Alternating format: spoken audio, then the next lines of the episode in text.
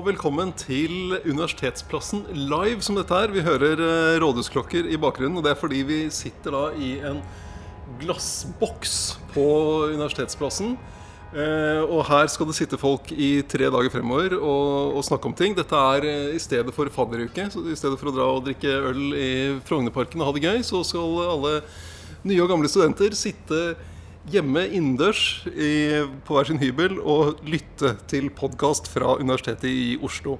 Eh, mitt navn er eh, Kjetil Bragli Alstheim. Jeg er politisk redaktør i Aftenposten og er blitt invitert for å være gjesteprogramleder for den første av disse podkastene. Eh, og temaet er Ytringsfrihet 2020. Eh, her i denne, Man skulle jo tro da at det ikke var eh, rom for ytringsfrihetsdiskusjoner her. Det er bare drivhuseffekt, egentlig. Så varmt er det inne i boksen. Men vi har da i, her i drivhuset sitter førsteamanuensis Anine Kierulf. Hun er jo på hjemmebane. Førsteamanuensis ved Det juridiske fakultet. Og rådgiver i Norges institusjon for menneskerettigheter. Eh, og her sitter også Kjersti Løken Stavrum, leder for Ytringsfrihetskommisjonen. Eh, til daglig administrerende direktør i Tinius-stiftelsen, som er kontrollerende eier i Skipsted. Som bl.a. eier Aftenposten, der jeg jobber. Så dette blir koselig. Eh, og Stavrum er også leder av Norske Penn, som, en, som arbeider for ytringsfrihet. og det har, vi prøvde å vi hadde jo en runde på forhånd så vidt om alt det vi kunne snakke om. Det har jo vært på en måte ytringsfrihet hele sommeren med ulike saker. Og så er det å prøve å koke dette ned. Men jeg tror det blir litt sånn harelabb på litt forskjellige ting før vi renner bort av svette her inne. Og siden det er så varmt, så tenkte jeg vi kunne begynne på Sørlandet. og fordi mye av den ytringsfrihetsdiskusjonen drar jo fort til USA, og så snakker vi om det som skjer der. Og vi tar oss ikke engang bryet med å oversette eh, begrepene. Eh, så vi snakker om cancel culture og sånne ting. Men eh, vi har vårt eget mikrokosmos, som du sa, Kjersti, da vi snakket sammen på forhånd, på Sørlandet. og det har du vært opptatt av. Du har vært litt sånn involvert i det òg. hvordan skal vi introdusere dette for lytterne? Ja, altså Sørlandsnyhetene er noe jeg mener alle som er opptatt av ytringsfrihet, burde bruke litt tid på å sette seg inn i. fordi at det er, det er rett og slett et mikrokosmos for veldig mange av de store problemstillingene som angår ytringsfrihet i dag. I, eh, og det er Kort fortalt er det sånn at i Kristiansand så var det sterk folkelig misnøye med tror jeg særlig tre saker. Det ene var eh, byggingen av den såkalte kunstsilo, som jo Nicolai Tangen nå på vei til å bli leder av oljefondet. Kanskje. Eh, ja, men, eh, kanskje, ja. Men, men i hvert fall han, det er jo en, noe han har initiert. Men altså byggingen av kunstsilo med offentlige penger, det var en bompengesak, og det var flytting av havna på Sørlandet, eller Kristiansand. Eh, de tre tingene tror jeg mange oppfattet at ikke Altså den Motstanden mot det fikk ikke liksom, tilstrekkelig utløp i de etablerte mediene. Og så kom det da rett og slett bare Du vet hvordan det er. Du oppre, kan opprette en konto på Facebook. Eh, en kar som heter Einar Bransdal Øgrei, som mange vil kjenne som eier av Bli vakker, eh, på, som, hvor man kjøper skjønnhetsprodukter på nett. Han bidro til å sponse disse postene, og så sa de at dette er en nettside. Eh, og så begynte de å poste innhold. Eh, og det har gått over stokk og stein, tror jeg man må kunne si. Eh, hovedproblem for mange var jo at det var mye mye, og hovedsakelig anonyme anklager. Eh, av veldig ulik art og, og løst fundert, og, og sjikane. Eh, så det, det, skapte et, et, utrolig vanskelig debattklima i, i, Kristiansand. Men det førte også til at demokratene eh, med Vidar Kleppe i spissen fikk eh, over 13% ved kommunevalget i fjor høst. Og Eh, og Høyre da gikk, mistet sin ordførerpost, og de har jo sittet ved makta i Kristiansand siden 1947. Så det fikk veldig sånn store politiske konsekvenser. Det var, eh, det var eh, en enkel, på en måte et enkelt grep, eh, og, og, det var full fyr. Og det er full fyr fortsatt eh, rundt eh, Sørlandsnyhetene. Du har vært involvert fra kunstsiden, ikke sant? ja, for jeg er styreleder i, i en stiftelse i Kristiansand som heter Kultiva. Eh, så, så, sånn sett så har jeg jo vært veldig interessert, eh, og også til, innimellom tagga. Mm. Eh, på, men, men det, er jo, det, er jo, politikerne det har gått hardest utover, vil jeg si. Men ikke bare. For det, det, her er det anonyme poster. Uh, så man vet ikke hvem som Og det har vært litt uklart hvem som har stått bak, hvem som faktisk har skrevet det. Det har vært noen navn som har vært ute osv. Uh, med ganske store politiske konsekvenser.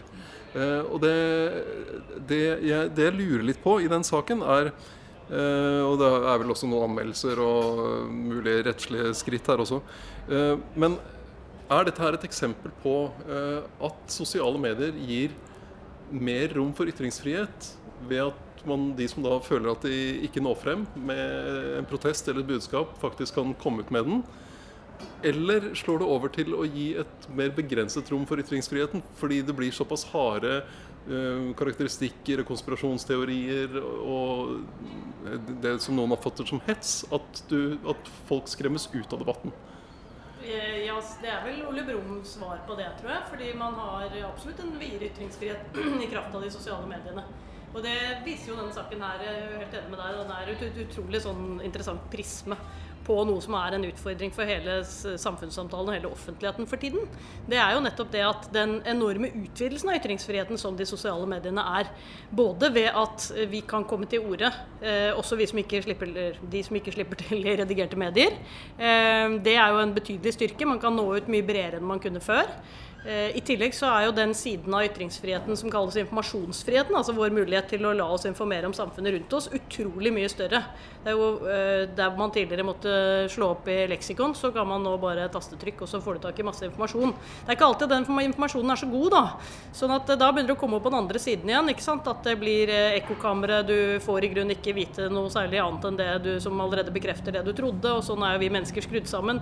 Vi har jo egentlig masse svakheter som måten de sosiale mediene fungerer på, og de algoritmene fungerer på, eh, utnytter til fulle. For de, akkurat, eh, de, gir oss akkurat det vi tror vi vil ha, men ikke nødvendigvis det vi trenger. Eh, og det gjør jo at du får sånn grupperadikalisering, nærmest. Da. Det er jo masse psykologiske studier som viser det at hvis du bare er med likesinnede, så tenderer du mot stadig litt mer ekstreme varianter av det synet du hadde. Og da blir det fort, eh, som du sier, en type ytringer som ikke er veldig befordrende på samtale. De skaper ikke dialog. Det er ikke noe åpenhet, det er ikke noe spørsmål. Man konstaterer ting, og man skjeller ut folk, og man gjør, eh, bruker ytringsfriheten på måter som gjør at eh, for så vidt andre ikke får mindre ytringsfrihet, men at det blir totalt mindre utveksling. Da. Det blir mindre realisering av ytringsfrihetens begrunnelser i holdt jeg på å si, sannhetssøken og demokrati. fordi det er ikke noe ønske egentlig om å lære noe eller å utveksle standpunkter. Det er bare ønske om å slå hverandre i hodet. Det, eh, noe av det som har vært fremme i forbindelse med Sørlandsnyhetene, er jo eh, en kritikk av Fedrelandsvennen. At de, eh, som er den etablerte store avisen i Kristiansand, de er jo ikke her for å svare for seg, som de sier i Dagsnytt 18, men at det var noe av grunnen til at det, det poppet opp en sånn alternativ kanal da, for, for den den debatten og den frustrasjonen, de synspunktene. Ja, jeg skal også være varsom med å kritisere eh, Fjellandsvennen, men, men, det har jo vært en av de tingene som har vært anført, var jo det at man følte at, at, at særlig kanskje den misnøyen mot offentlige penger brukt på kunstsiloen, at, det, at mis, de som var mot det, ikke fikk et ordentlig talerør. Det er det ene. Men det andre som også har vært trukket opp, er at, at man har problematisert det at, at mye av den kvalitetsinformasjonen om dette var eh, kanskje tilgjengelig, men den lå jo da bak en betalingsløsning, naturlig nok. fordi det er, det er inntektsmodellen for de redigerte mediene, og i stadig større grad. Eh, og det siste er jo veldig interessant. Eh, og, og liksom jeg vet at jeg liksom, eh, tråkker meg selv på foten når jeg sier det, men det er klart at for at de redigerte mediene skal overleve, så må man jo ha en betalingsløsning. Man må jo ha inntekter. Og nå som annonseinntektene f.eks. er stort sett borte og forsvunnet til Facebook, da, så er jo betalingsløsning for informasjon er jo det eneste man, hovedspor. Eh, men det gjør jo da at mange ikke får den tilgang på informasjon som de kanskje tror at er der ute. Fordi mange av oss har jo vokst opp med at alt på nettet er gratis. ikke sant? Så det kan være at mange fortsetter å tro at det som er viktig og riktig, det, det får jeg fortsatt. Eh, men, men, men, bunnlinja nå er jo at eh, Hvis du tar, tar parallell til mat, altså den sunne eh, og næringsrike maten, den, den er forbeholdt de som betaler for det, egentlig. Ja, det er et kjempeproblem akkurat det der. altså desinformasjon og konspirasjonsteorier er gratis, og kvalitetsjournalistikk og nyanserte meningsutvekslinger koster penger. Det ikke, spiller ikke så veldig godt inn i vårt egalitære samfunn, dette her. Altså, det er jo bare oss. Se på verdensbasis så er jo dette et betydelig problem. Hva med, altså, øh, hva med Hva er øh, Facebooks ansvar i en sånn situasjon som, som da denne Sørlandsnyhet-eksempelet skisserer? Det er jo et uh, veldig godt og vanskelig spørsmål. Uh, man kan jo snakke om et rettslig ansvar. Uh, det skal veldig mye til at Facebook har rettslig ansvar for noen ting. Altså Hele forretningsmodellen til de sosiale mediene, søkeplattformene, alle disse teknologigigantene er jo at de fungerer som en slags nøytrale plattformer der hvor andre mennesker kan generere innholdet. Og så blir de andre menneskene som genererer det innholdet, det er egentlig de som er ansvarlige. Men det er klart at eh, det de sier, det ville jo ikke hatt noe i nærheten av den samme gjennomslagskraften hvis ikke det var nettopp for disse plattformene og de algoritmene. Det er jo eh, noe av, noe av poenget, ikke sant. Eh, at du får den type megafon som du kan få gjennom ja, folk som slår seg på YouTube, kan være supert for unge artister f.eks. andre ting. Men samtidig en veldig sånn vanskelig situasjon hvor de på samme tid ikke har noe rettslig ansvar, og eh, samtidig er helt klart medvirkende årsak til alle de for så vidt positive, men også alle de negative konsekvensene av denne måten som offentligheten nå fungerer på. Da. Det, det, er jo altså, I en avis som Aftenposten da, så er det jo sjefredaktør som har ansvar for alt det vi publiserer. Bør, bør Mark Zuckerberg ha et, et, redaktøransvar for alt som publiseres på Facebook i verden? Ja, du, Ville du vært komfortabel med det? Jeg er litt usikker på det. ja. ja, Det er jo det som er problemet her. ikke sant? For de har jo lenge operert ut fra den antakelsen at de ikke er redaktører. Men de opererer jo i stadig større grad som redaktører. De har gjort det kjempelenge selv. Altså Nå har man jo på en måte noen lovreguleringer som de alltid må forholde seg til, og det er de for så vidt ganske fornøyd med, for da slipper de å ta alt ansvaret selv. Men selv den modereringen de gjør i forhold til sine egne brukervilkår, er jo en betydelig redaktørjobb hele tiden, som gjøres eh, jeg vil si jevnt over elendig. Ja, og det er For det første mener jeg at Facebook burde gitt oss lille, den lille transparensen at hvem er det som sitter og redigerer innholdet for det norske innholdet f.eks. hadde vært eh, veldig nyttig og viktig å vite.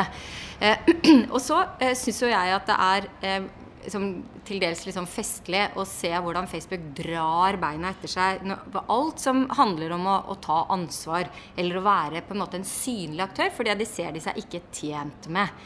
De vil tjene mindre penger hvis de går, kommer ut av skyggen og går fram og, og, sier 'dette har vi tatt vekk', og 'dette har vi tatt vekk'. Da kommer det til å bli så problematisk. Og det ble det jo i går da de tok vekk en, eh, en tweet fra Trump. ikke sant? For første gang egentlig så viser de ansikt.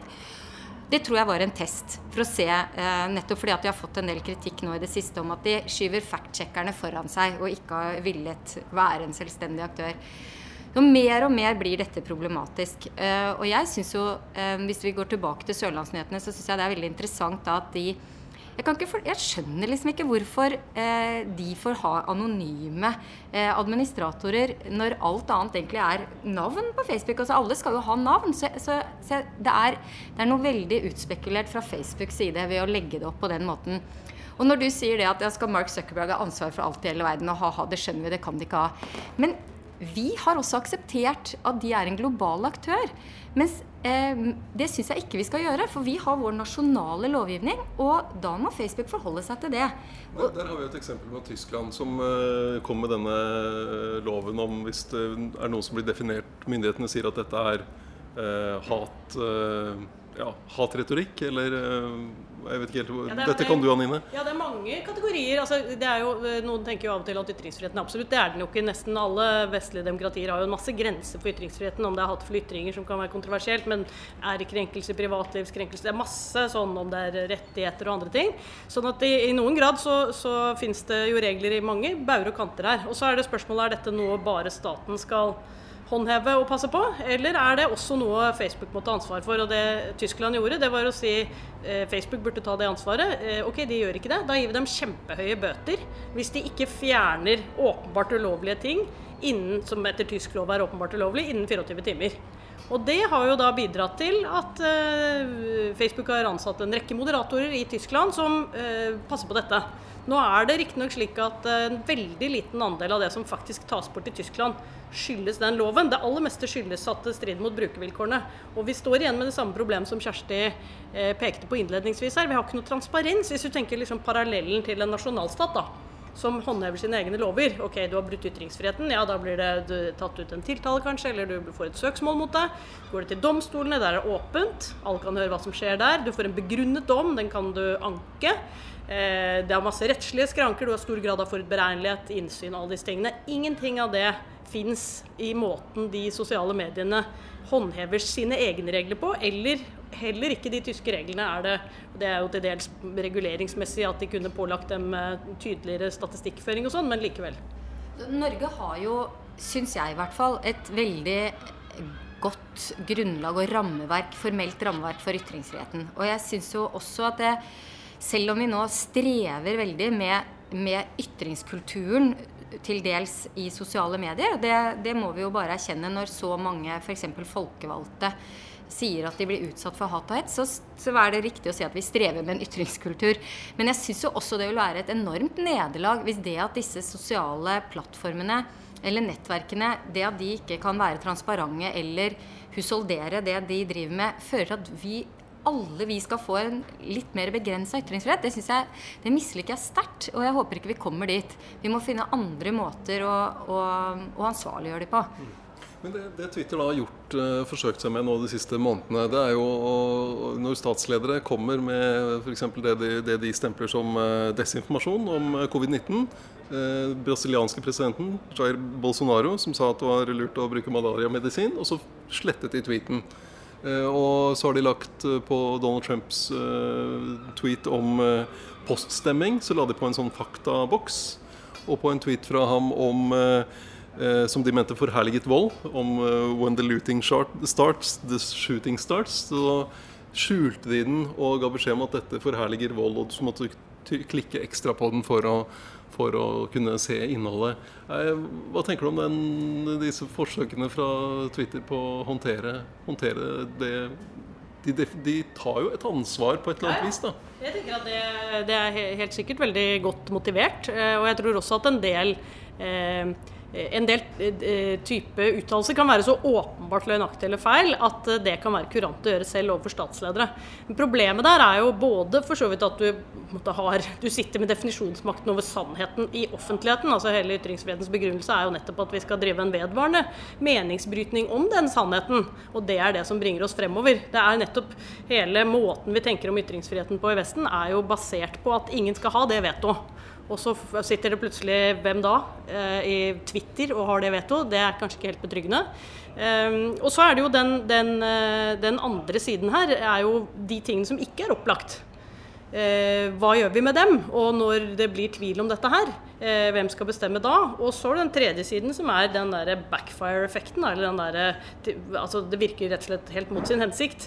Uh, det du egentlig gjør, er å helle bensin på det konspirasjonsbålet som allerede fins, om at det er en mainstream media som nå har bredt seg ut i de sosiale mediene, og som egentlig bare opererer for å undertrykke uønskede meninger. Og det er jo kjempefarlig. Der er det jo sant, den klassiske eh, forvekslingen når man blir litt eh, ivrig, er jo å forveksle fakta med meninger. Og det mener jeg Twitter gjorde på den ene posten til Trump som angikk hans kritikk om post, troverdigheten ved postverket hvis man skal stemme via post. Det mener jeg var en, et synspunkt fra hans side, så jeg syns det var ugreit at Twitter viste seg så hva skal man si, ukyndig at de tok den hvis, når de først skulle ta noe, så, så, skulle nok jeg helst sett at de var helt klar på at det var en klar faktuell feil som han begikk. Eh, og, og, dermed så lyktes det jo da. Burde være mulig å finne. Det burde, det burde jo det, ikke sant. Det, er jo det, som, det var jo det var liksom dobbelt ille her. Og, da, og, derfor blir det akkurat sånn som Anine sier. ikke sant? Dermed så får jo konspiratorikerne For eh, det blir ved til bålet. Mm.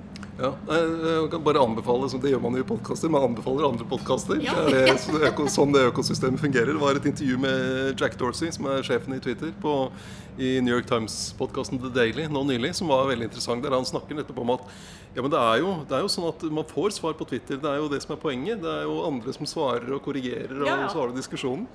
Uh, så, men da, En av de interessante tingene han nevnte der, var en ny funksjonalitet som de tester ut som de ikke har lansert ennå, men som er eh, sånn at hvis du skal dele en artikkel, og, og, Twitter ikke kan se at du har lest den, altså, så, så, kommer det opp en sånn Du har ikke lest den artikkelen du nå skal dele. Er du sikker på at du vil dele den? Det var jo sånn, var ikke det NRK tror jeg, som hadde det i kommentarfeltene sine en stund? Hvor du måtte svare, du måtte gjennom en sånn liten quiz om du faktisk hadde lest den artikkelen du drev og kommenterte på i kommentarfeltene. Ja. Det er ganske fint. Eller klikka deg helt ned. Det har jo vært noen sånne forsøk på det. altså I kampen mot uh, vulgariteter i kommentarfeltet så har, jo, har man strevd litt. Ja. Men, men det er klart at de skal jo ha for forsøk på å prøve å finne ut hvordan man kan redusere Uh, uheldige sider av uh, ytrings, uh, disse ytringsmulighetene. Da. og vi som har vært med på Twitter fra, fra nesten dag én, hvert fall, husker jo f.eks. før det var tråder, og, før du måtte finne tweets som var her og der. Og, ja, så det er jo klart funksjonaliteten blir jo bedre, men også da verre, selvfølgelig. Mm. Ja, og Det er vel litt den der følelse, altså litt sånn Frankenstein-følelse. altså Noen satt på et gutterom og skapte et eller annet som var litt gøy, og så bare vokste det helt ut av kontroll. Og så er det som du sier, at man har slept bena etter seg veldig lenge. Så altså disse tingene kamp, Hva var det World Economic Forum tror jeg liksom fremhevet kampen mot desinformasjon i sosiale medier som en av verdens største utfordringer i 2013. Det er jo ikke et nytt fenomen, dette her. Hvorfor har det tatt så lang tid å begynne å gjøre noe med det? Nei, det var så vidt Jack Dorsey sa om denne nye funksjonen da, som de tester. er sånn, Hvorfor ikke bare lansere det? Jo, for vi, vi må prøve å tenke gjennom hva skjer da? Og det, er jo, ja, ja, ja. det har vist at det skjer veldig mye når, når, de lanserer ting som de ikke har forutsett på forhånd. Jo, det er jo det som er den store hodepinen. At det er faktisk ingen enkle løsninger på noen ting. Og det er jo fordi at altså, det, det ligger jo i ytringsfriheten, det òg. Folk er forskjellige. Vi er ulikt skrudd sammen. Vi vi er opptatt av forskjellige ting. Vi skal ha muligheten til å tenke høyt om ting vi ikke har gjennomtenkt helt, for å få en tanke klarere tenkt av en annen i retur. ikke sant? Det er jo hele dette det Alle disse mm, små tankepilene mm. som, eh, som, også blir problematisk hvis du tror at det fins én løsning på å rydde opp i dette. Altså, da har du ikke skjønt, hele, skjønt hva ytringsfrihet dreier seg om. Eh, du er jo da eh, nylig utnevnt som leder av Ytringsfrihetskommisjonen. Den forrige var, eh, kom med sin innstilling i 1999. Ble ledet av Francis Sejersted, professor i juss. Og det førte til Historie? Historie, unnskyld. Jeg bare satt her på Universitetsplassen. Ble så revet med. å få han, altså. ja, ja, ja. og det førte jo til en endring av Grunnloven, paragraf 100, med hva skal man si, en den eh, grunnlovsendringen, var det en, eh, et sterkere vern om ytringsfriheten? Ja, det som er interessant med den, er jo at eh, det var på en måte ikke noen materiell endring. Det er sånn Jurister liker å skille mellom materiell og prosessuelt. Men man skrev inn noe som egentlig fulgte av gjeldende rett allerede. Men man tydeliggjorde Det er særlig to ting som skjer med den grunnlovsparagrafen som har vært viktig, tenker jeg. Og det ene er at man tar inn de tre begrunnelsene for ytringsfrihet individets eh, mulighet til å danne seg selv som menneske gjennom å prøve ut sine ideer på andre og ta de andres til seg. Altså en sånn liberal begrunnelse. Og så to kollektive, nemlig vår som samfunn, vår mulighet til, fordi vi er feilbarlige, å komme nærmere sannheten ved å diskutere med hverandre med mest mulig fri meningsbrytning. Og demokrati. selvfølgelig Det er umulig å tenke seg folkestyre hvis ikke vi kan snakke om hvordan vi vil at vi skal bli styrt, og hva de som styrer står for og ikke står for. Så de tre begrunnelsene kommer inn i grunnlovsbestemmelsen. Og det er også sånn at det som griper inn i ytringsfriheten, altså om det er ærekrenkelsesregler eller privatliv eller hatefull ytring eller hva det er for noe, det kan ikke gå lenger i sitt inngrep enn at det på en måte honorerer de begrunnelsene likevel. Så det er en veldig viktig nyvinning. Og så er det hvis man tenker på grunnlovsrettigheter tradisjonelt sett da, som negative rettigheter, altså ikke dumme, men uh, i betydningen hva staten ikke skal gjøre, skal ikke gripe inn i min eiendomsrett eller min frihet til privatliv eller min ytringsfrihet. Så får den et positivt tillegg, eh, som er hva staten skal gjøre. Det påligger statens myndigheter å legge til rette for en åpen og opplyst offentlig samtale. At staten på en måte får en forpliktelse til å bidra til at vi har eh, en fungerende offentlighet. Og her er jo, Dette er jo på en måte veldig det den neste ytringsfrihetskommisjonen på en måte bygger sitt fundament på, i noen grad rettslig eller grunnlovsmessig. da. Hvordan kan staten sikre det? Altså Den gjør masse allerede, den staten som er oss, egentlig. da. Den gir gratis skolegang, høyere utdannelse, eh, pressestøtte for å få en variert presse. Det er, det er masse staten gjør for å prøve å ivareta det der. Men hvordan kan man gjøre dette godt fra statlig hold? i en situasjon som den vi er i nå. Skal du endre noen grunnlovsparagrafer, Kjersti? Eh, nei, vi har vel ikke egentlig tenkt det. Men vi, vi, jeg føler at vi har veldig frie rammer til å peke på. Ikke endre dem, for det må da andre gjøre. Men vi kan peke på ting som eh, som vi mener bør gjøres. Men jeg, jeg synes det er jo For det første var det jo veldig viktig den forrige ytringsfrihetskommisjonen, og den oppfatter jeg at veldig mange er veldig stolt over det arbeidet som ble gjort. Og, denne kommisjonen, den nye, står jo veldig på skuldrene av den gamle, eller den forrige kommisjonen. Og jeg ser på det litt sånn at den, som Anini også forklarer veldig bra, er jo at den lagde et, et viktig kart for ytringsfrihet. Og så er det vår oppgave nå å gå ut og se i terrenget, som jo har blitt helt annerledes siden 1999. Husk på, de leverer før de sosiale mediene. Så de har en helt sånn nydelig formulering i den NOU-en som ble avgitt, om at tenk hvis alle skulle diskutere med alle. Det hadde jo blitt den reneste kakofoni. ikke sant? Vi må ha de redigerte mediene. Eh, og det sier liksom alt da, om, om, at ting er veldig annerledes nå. Så, så jeg oppfatter at vår oppgave De lagde den formelle ytringsfrihet, rammen for den. Vi skal se på den reelle ytringsfriheten på veldig mange områder. Kartlegge den, og så se hvordan kan vi skru på eh, kartet, sånn at, eh, sånn at sånn rammene blir så optimale som mulig. Det tenker jeg i korte trekk er vår oppgave. Eh, dette er jo ikke ditt ansvar eh, hvem som sitter i kommisjonen, men det jeg tenker ut fra nettopp at sosiale medier og teknologiselskapene er så viktige for det som skjer med ytringsfriheten, så syns jeg det er litt rart at de ikke er representert inn. Du skal slippe å svare på det, Kjersti, siden det ikke er ditt ansvar. Men du kan få svare på det, Anine. Er du? Ja, jo, det er, altså det er jo en sånn type kommisjon som har et, eh, et, veldig sånn stort kartleggingsmandat. ikke sant? Eh, og jeg, eh, sånn, at, sånn sett så kan man nesten ikke være bredt nok sammensatt, tror jeg. Fordi alle burde egentlig vært med. Men jeg er helt enig. altså Hele utgangspunktet for den nye kommisjonen er jo den teknologiske utviklingen som har endret offentligheten fundamentalt. Spørsmålet er vel også litt hvor ja, De hadde sikkert vært villige til å være med, men om det kanskje er bedre å samarbeide med dem. altså Det som har vært luftet når disse tingene diskuteres, nettopp fordi det sånn som vi snakket om i sted, er ganske vanskelig å regulere disse mediegigantene fra statlig nivå. De, på måte, de ligger på et nivå som er vi er små mus, og stormaktene er store hunder. Og de er sånne katter som er sånn, de bare sniker seg unna alt og har sine egne regler og gjør ingenting, forholder seg ikke til menneskerettighetskonvensjoner og grunnlover og ingenting. Hvordan kan man best regulere dem? Eh, og da har det jo vært eh, foreslått at man kanskje må tenke helt nytt om regulering. At det ikke er noe som kan gjøres bare fra en nasjonalstat. At det er, og, eller konvensjoner, da, som jo er helt umulig å håndtere. Men at man må i større grad ha en type løpende samarbeid mellom stater og teknologigigantene for å finne gode løsninger. Fordi man har jo i realiteten blitt si, verdensredaktører uten å ha noen trening og ikke noe apparat for å drive med den redaktørrollen. Og hvordan kan man trekke på den kunnskapen som allerede fins om andre fenomener som ikke er like, men som ligner.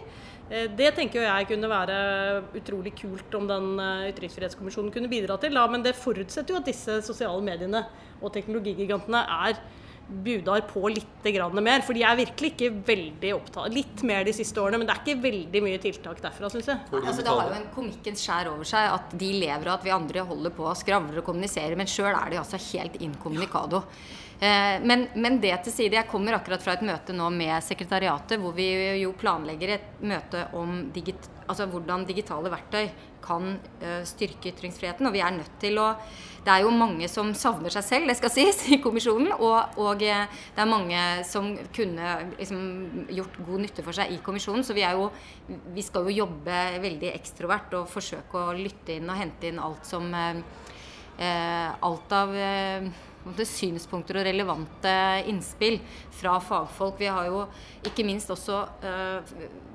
fikk jo regjeringen på pukkelen for at folk med funksjonshemning var heller ikke i, i, kommisjonen. Og arbeidere var heller ikke i kommisjonen. Så det ble litt sånn eh, Og da ser man jo også hvor vanskelig det er å sette sammen noe hvis man skal være representant for noe. Men vi, vi er virkelig avhengig av å lytte til folk som, eh, som opplever ytringsfrihet forskjellig, og som kan bidra til å gjøre den bedre.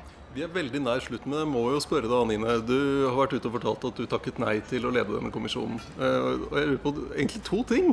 Det første er hvorfor du takket nei, og det andre er hvorfor du fortalte om det.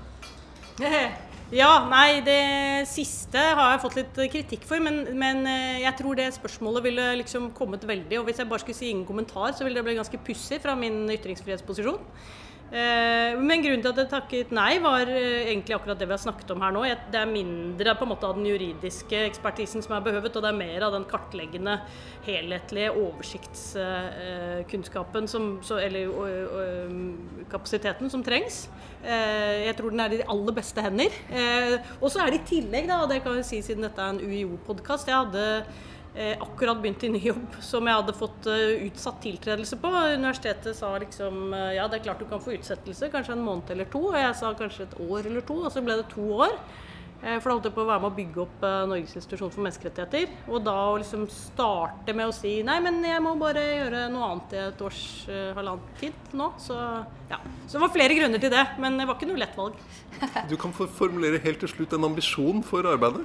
Ja, men jeg vil jo først takke Anine for at hun eh, Det ble veldig koselig, ble- altså. Ja, ja, men det er jo klart. For, for jeg, altså, jeg jeg vet jo ikke hvor mange det var som fikk den henvendelsen, men jeg fikk i hvert fall henvendelse om at jeg var på en shortlist. Og folk som de ringte og spurte hva vil du svare hvis du blir spurt? Um, og det trengte jo ikke jeg betenkningstid på. Jeg er jo veldig lykkelig for at jeg fikk denne muligheten, for jeg er ekstremt opptatt av eh, ytringsfrihetens kår. Så ja. Men uh, så det er jo tusen takk for det. Uh, og så um, hva vi skal gjøre Jeg tenker jo at alle det er jo, Dette er jo en rettighet, så alle har rett til ytringsfrihet. Og, det, og dermed så mener jeg jeg har sagt at min ytringsfrihet eh, skal ikke ødelegge din. eh, Og det er i det skjæringspunktet vi har en stor jobb å gjøre. Og jeg, det er mange områder som trengs å skru på, ikke minst ytringsfrihet i arbeidslivet. Som vi jo ser senest i dag. Eh, hvor det er folk ansatte i Hurtigruta som ikke får snakke med pressen av hensyn til de selv, sier selskapet. Eh, og, eh, eh, og at det er veldig vanlig. Og, der, og dermed så har de på en måte sagt ord på to ting som, som strider mot Grunnloven, og sånn kan vi faktisk ikke ha det. Det er viktig at eh, de i næringslivet vet forskjell på munnkurv og munnbind. eh, Det er I disse tider. ja. jeg, vi, ja, eh, vi, vi, hadde jo eh, Jeg syns det var veldig interessant. Det var jo litt ubalansert panel, siden begge var for ytringsfrihet. Men eh, det, det er, det er opp til universitetet. Ja. Så tusen takk til Anine Kierulf, og tusen takk til Kjersti Løken Stavrum. Og du har da hørt på Universitetsplassen live, og det kommer nye episoder, men da er ikke vi med, så takk for oss.